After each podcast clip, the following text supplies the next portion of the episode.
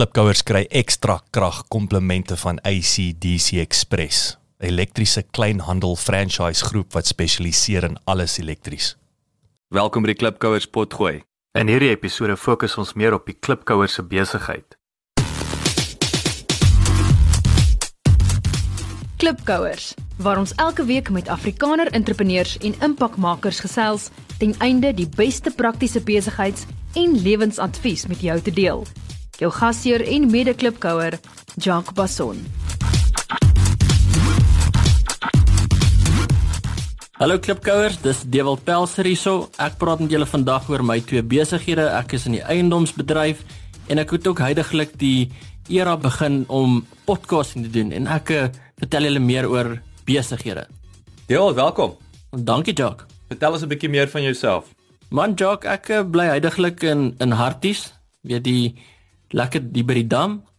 Ek uh, kom eintlik van 'n klein plattelandse dorpie af, ook in die Oos-Transvaal in Mpumalanga en ek kom van Standerton af. Nou ek uh, het daar skool gegaan en groot geword en ek het nog altyd entrepreneurskap in my bloed gehad man. En ek sal sê my ouers het nie is nie entrepreneurs van professie nie. Hulle is al twee in die ambag gewees. My pa het uh, vir Eskom gewerk, my ma se debiteure klerk en ek wou nog altyd net dingetjies smous of worsbroodjies verkoop. En ek het van vroeg af het ek in 'n kafee gaan werk en 'n til geslaan. En daar het ek van my eerste besigheidslesse gekry. Al is dit nou in die in die um retail space gewees maar waar ek bietjie meer gedink het oor kliënte en en hoe mens besigheid doen en die en baie analises agter dit en dit was my vrek interessant. Ek het toe eventually besluit na matriek ek moet gaan swat en dit is die tradisionele manier hoe ons almal geleer word om te doen. Ek het inligtingstegnologie met besigheidsaplikasies gaan studeer en van daar af het ek nog altyd in Pretoria gebly. Ek het toe begin werk in die industrie in die inligtingstegnologie. Ek het uh, begin in projekbestuurbedryf en ek het toe meer aanklank gevind by die besigheidsanalise gedeelte en ek doen dit vir die afgelope 8 jaar wat ek dit nou al gedoen het.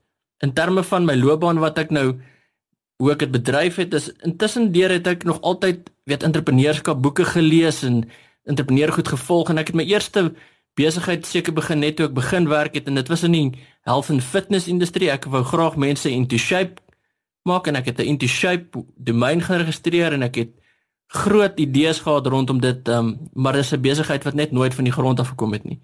Ek het eventually baie belang gestel in passive income en so het ek begin in in eiendomme wat ek wou investeer. En dit was ook nou die rede hoekom my besigheid in die eiendomsagentskap inge, ingefloreer het want ek wil graag weet hoe werk die proses? Hoe werk die dinge? Hoekom investeer mense? Ek wil nie net luister na 'n guru en iemand wat sê okay investeer net hierso en dit gaan werk nie. Ek wil meer verstaan. Ek wil goeders analiseer en ek dink dis hoe my podcast en my ander besigheid ook eventually ontstaan het en dit is ek wil meer weet van besighede Ek wil weet hoe werk 'n besigheid, waar dit bestaan hy en ek dink wat baie belangrik is met al die verskillende besighede, hoe maak 'n besigheid geld? Want jy kan niks doen as jy nie weet hoe maak 'n besigheid geld nie. So gee ons 'n opsomming van die tipe besigheid industrie. So jy het nou ek weet jy die jy die eiendoms uh, besigheid wat jy nou net genoem het en natuurlik jou jou nuwe pot gooi uh Mr BA. So gee ons 'n bietjie agtergrond van die twee industrieë asseblief. Jock, ek het seker so 4 jaar terug het ek betrokke geraak in die eiendomsagentskap waar ons eers probeer het om ons eie as ek sê brand te registreer en ons eie naam vanuit niks en nêrens wil ons gedink ons gaan die industrie shake, maar dis 'n ouer industrie en ons het ons het vinnig agtergekom dat as jy nie ondervinding in die, in hierdie onder in hierdie industrie het nie, is dit baie moeilik om om vorentoe te kom. Ons het toe 'n franchise gekoop En van daar af het dit baie beter begin gaan want ons het hulle stelsels begin leer en daar's 'n spesifieke manier hoe jy hierdie besigheid moet hanteer. En ek het dit vir die afgelope 4 jaar as ek al betrokke daarbey en dis spesifiek soos ek vir jou voorheen gesê het omdat ek die proses wil verstaan. Ek wil verstaan as ek investeer in in in beleggings en in eiendomme, wat is wat is daar rondom? Waardeur moet dit gaan? Waar wie's almal betrokke in hierdie prosesse en hoe kan ek dink my groot doel van dit ook was om te sê is daar nou 'n manier vir my om beter beleggings te identifiseer omdat ek meer toegang tot die mark het. Dit het dan ook natuurlik tot gevolg gelei dat ek ek het my Mr BA Business Analyst podcast begin en hier wil ek graag vir die mense leer hoe werk 'n tipe besigheid? En belangrik ook as ek vir hulle leer hoe werk hierdie besigheid en die besigheidsmodel waarop ek fokus is, wat is die verskillende maniere hoe jy kan geld maak uit 'n besigheid? Want as jy kyk na besigheid, sien mense nie dit altyd nie. Mense net, okay, hier's die storefront en hy verkoop hierdie produk, so dis seker maar hoe hy geld maak. Maar partykeer is daar iets agter die besigheid, agter die skerms en ek probeer vir mense dit leer. Mm, ek hou baie daarvan, baie waardevol en inteendeel, dit is dit is die soos jy sê, ek dink die die klem is soos jy sê is hoe maak 'n besigheid geld? Dis 'n ding wat bitter min bespreek word in entrepreneurskap en dan veral wat wat hoe werk daai engine? Wat gaan daar aan die agterkant aan? Ek so ek dink uh, persoonlik is baie waardevol. So wat's 'n probleem los los die los die besigheid op? Man Jock, ek dink die daar's so baie business coaches en die coaching industrie deesdae. Ek probeer mense leer van besigheid deur praktiese voorbeelde. So ek ek kry terugvoer van suksesvolle entrepreneurs in terme van hoe hulle hulle besigheid bedryf en dan analiseer ek dit. En ek dink die groot fokus waarop ek fokus is die besigheidsmodel. En dit is die blou druk van elke besigheid. Nie jou besigheidsplan nie. Ons wil graag geleer van die besigheidsplan en as jy besigheid wil begin met jou besigheidsplan opstel, maar meer belangrik vir my is daai hele besigheidsmodel en die fasette wat waaruit dit bestaan. En jy moet eintlik jaarliks daai besigheidsmodel hersien en seker maak jy is nog relevant in jou industrie. Wat maak jou besigheid anders as jou kompetisie? Jock, ek het al my eie besighede begin en al hierdie pyne beleef van as jy 'n besigheid wil begin en groei. En ek het ook al 'n besigheid gehad wat ge, wat gefaal het. En ek dink die feit dat ek nie net uit 'n werk kom of uit 'n franchise wat ek gekoop het nie, maar die feit dat ek al self hierdie pyne beleef het en mens kan nie akademies hierdie goed leer nie. Ek dink jy leer die beste uit wanneer jy dit goed beleef, maar weet wat een, iemand eendag gesê het, die beste is om deur ander mense se foute te leer want dan gaan jy in eksponensieel verder. Dis baie waar en ek en ek wil dit beklemtoon ek Dewald, jy weet dit is een ding wat ek dink as ek selfs kyk na klipkouers, jy weet en ek kyk na baie van die podcasters reg oor die wêreld, dit voel vir my daar's te veel ouens wat hulle kyk na podcasting wil ek half sê as die besigheid, alhoewel hulle self ehm um, nie daai besigheidsondervinding het nie. So ek is ek is en ek sien dieselfde met jou uh, pot gooi met klipkouers, jy weet ons ouens wat ondervinding het in besigheid. Ons werk, ons genereer inteendeel dink dis wat belangrik is vir klipkouers wat nog dit nie weet nie. Jy weet ons genereer geld van ons besighede buitekant die pot gooi. So ons daai uh hoe kan ek sê die goeie ou gesegde of die Engelse sê ding van leading by example. En ek dink dit is dit is vir my baie belangrik dat ek wat ek vir jou wat ek vir jou voorstel dat dit nie uh nommer 1 nie van van 'n teoretiese plek afkom nie. Dit kom uit 'n plek wat getoets is en soos jy regtig uit uitgewys het jy wat ander ander ouens wat ook daai praktiese pyn nou goed deurgaan wat wat vir jou uit ondervinding kan sê hoor jy moet dit nie doen nie. Dan kan jy regop sit en luister want dit is waar die werklike waarde vandaan kom en die praktiese waarde vandaan kom. Nee nee dis definitief so Jock. Ek dink die groot ding wat dit is dis net 'n platform. En dis 'n platform waar wat ek dink is veral nog baie nuut in Suid-Afrika en mense is regtig weet in plaas van om in die oggende ons sit ons het hierdie groot verkeer en wat jy altyd in die oggende vas sit in plaas van om na die radio te luister en jou en jou brein te vul met nonsens weet. Luister na 'n podcast en dit hoef nie besigheidspodcast te wees nie. Daar's baie podcasts daar buite. Weet ehm um, verryk jouself en as jy selfs 'n audioboek wil lees weet verryk jouself deur inligting. Absoluut absoluut. En ek dink dis die dis daarmee goeie nuus van al die nuwe karre al hoe meer die nuwe karre en ek en, en ons het al oor al gepraat en weer eens vir die klipkouers daar buite. Jy weet slimfone dryf is die grootste uh, kan ek sê uh groei drywer van van potgooi reg oor die wêreld. Uh maar ja, al die nuwe karre of die meeste nuwe karre begin al hoe meer internet toegang hê en uh hulle voorspel teen 2025 sal al die karre in die wêreld nuwe karre internet hê en, en dan is daai potgooi is nie meer 'n potgooi nie, maar dit is jou dis jou radioprogram en jy kan luister net waarna jy wil, presies waarna jy wil, solank wat jy wil. Niks stupid advertensies en nonsens tussenin uh of for that matter musiek wat ek wat ek altyd dink, jy weet jy as jy van heavy metal luister jy net heavy metal in jou kar via jou gunsteling heavy metal pot gooi. So dit is 'n ongelooflike ding wat wat aan die kom is. Wie is julle teikenmark of ideale kliënt, Dewald?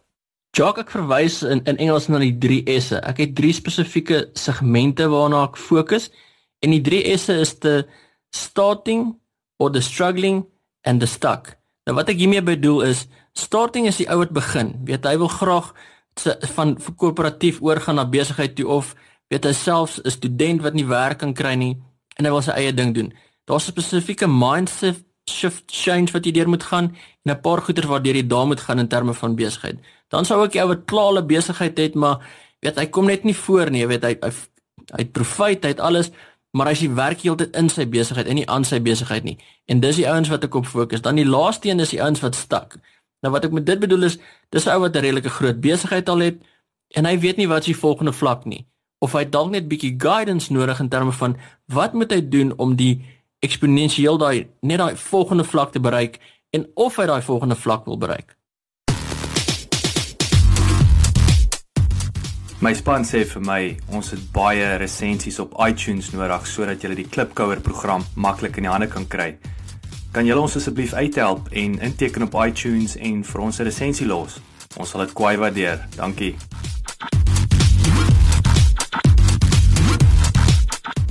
Wat is die grootste besigheidsfout wat jy tot dusver gemaak het en wat het jy geleer? Toe ek my eiendomsagentskap begin het seker 4 4 jaar terug, ek dink die grootste fout wat ek daar begin het is ek het saam met vriende hierdie besigheid begin. En wat baie belangrik is as jy saam met vriende die besigheid begin is kry kontrakte in plek. En dit is so belangrik in enige besigheid om die regte kontrakte in plek te hê. En dit is nie ek ek weet mense sê dit is nie dat jy nie 'n vriend vertrou nie. Maar as jy die regskontrak in plek het en dis altyd daarso, is dit net vir beide partye. Is dit net soveel beter dat as iets nie sou reg verloop nie, is daar iets om op terug te val en dan verwys mens na die kontrak toe. Baie waardevolle advies, eh, Dewald. Inteendeel ek ek het al in 'n vorige episode is genoem vir die klipkouers. Dis een van my grootste besigheidsfoute wat ek tot dusver gemaak het en ek dink die les daarvan ek het ek dink is twee goed. Jy weet ek's ou skool Afrikaner, so ek my handskit is is nog steeds is my woord. Jy weet dit is so goed soos 'n kontrak, maar ek het altyd gedink as as ek en jy het mos nou handgeskit daarop, soos ek nou vir jou vra om 'n kontrak op te stel, dan lyk dit of ek jou nie vertrou nie. So dit was altyd my eerste verkeerde aanname.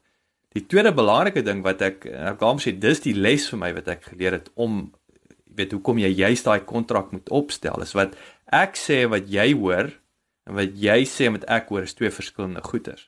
Die oomblik wat ons dit op papier saamvat, dan raak dit duidelik maar hang aan, daai maak nie vir my so lekker as jy seker is, ek het nie verstaan dat jy dit gesê het nie of dis nie wat ek gehoor het nie.